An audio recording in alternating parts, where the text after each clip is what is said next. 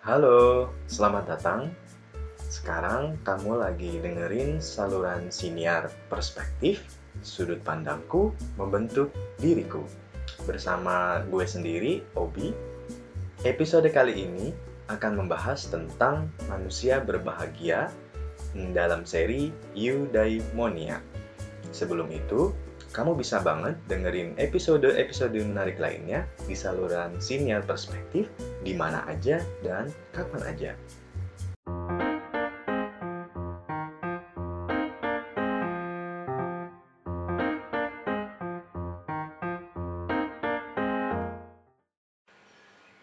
Hmm, ngomong-ngomong soal bahagia, kalian pasti udah punya definisi tersendiri tentang konsep bahagia.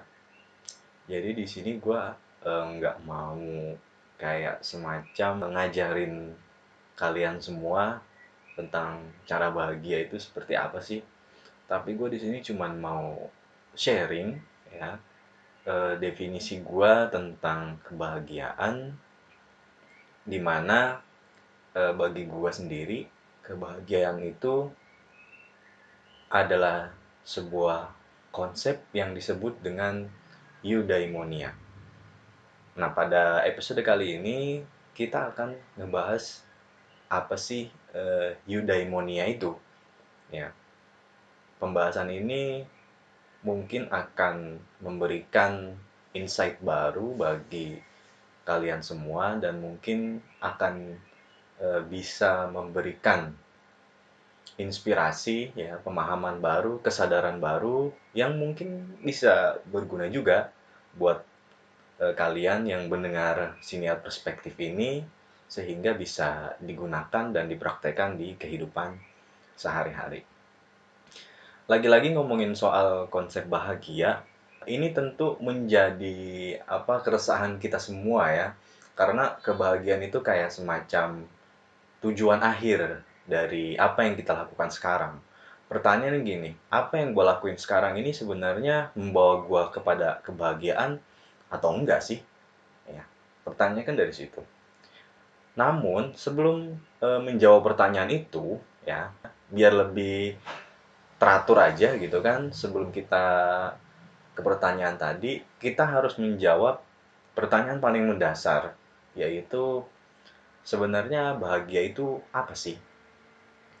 mungkin uh, bagi kita ya sekarang ini uh, mendefinisikan bahagia adalah uh, gimana caranya kita mendapatkan kenikmatan sebanyak-banyaknya lalu menghindari kesakitan sekurang-kurangnya. Mungkin ada beberapa dari teman-teman memahami kebahagiaan sebagai itu, gitu kan? Tapi sebenarnya e, definisi yang tadi itu justru membawa kita kepada kenikmatan yang kosong. Ya, dalam perspektif gua misalnya itu akan membawa kita ke dalam kenikmatan kosong. Yang harus justru mungkin ya, harus kita temukan adalah kenikmatan penuh yang justru membawa kepada kebahagiaan. Nah, inilah yang akan gue bahas di dalam siniar perspektif ini mengenai konsep eudaimonia. Konsep ini berhasil gue temukan dalam sebuah pemikiran seorang filosof yang bernama Aristoteles. Dia bilang gini, bahwa eudaimonia itu berarti melakukan dan hidup dengan baik ini kedengarannya kayak klise banget ya ya udahlah gue juga udah tahu itulah gitu kan dan kayak naif banget gitu kayak polos banget gitu kan. Ya emang ya pastilah kita kan kayak ngel ngelakuin semua di kehidupan dunia ini justru ingin melakukan hal baik. Tapi faktanya faktanya ketika kita melakukan hal yang baik justru menimbulkan kesedihan untuk kita kesakitan untuk kita gitu kan. Misalnya ketika kita memberikan perhatian kita, memberikan cinta kita, ya, memberikan e, diri kita kepada pasangan kita misalnya. apabila pasangan kita tidak memberikan hal yang sama seperti apa yang kita berikan, tentu itu menimbulkan kesakitan karena kita udah berkorban sedemikian rupa memberikan hal baik ya memberikan hal baik kepada pasangan kita tapi ternyata dia tidak memberikan hal yang baik juga kepada kita. Ya ternyata justru bahkan dia berkhianat misalnya kepada kita. Melakukan hal baik memang itu akan memberikan kita eh, kesakitan. Sudah bekerja dengan giat sedemikian rupa kepada perusahaan kita, tapi ternyata perusahaan kita tidak menghargai kita seperti apa yang sudah kita berikan. Itu justru menimbulkan kekecewaan kan dalam kita. Karena memang secara hukum alam seperti itu.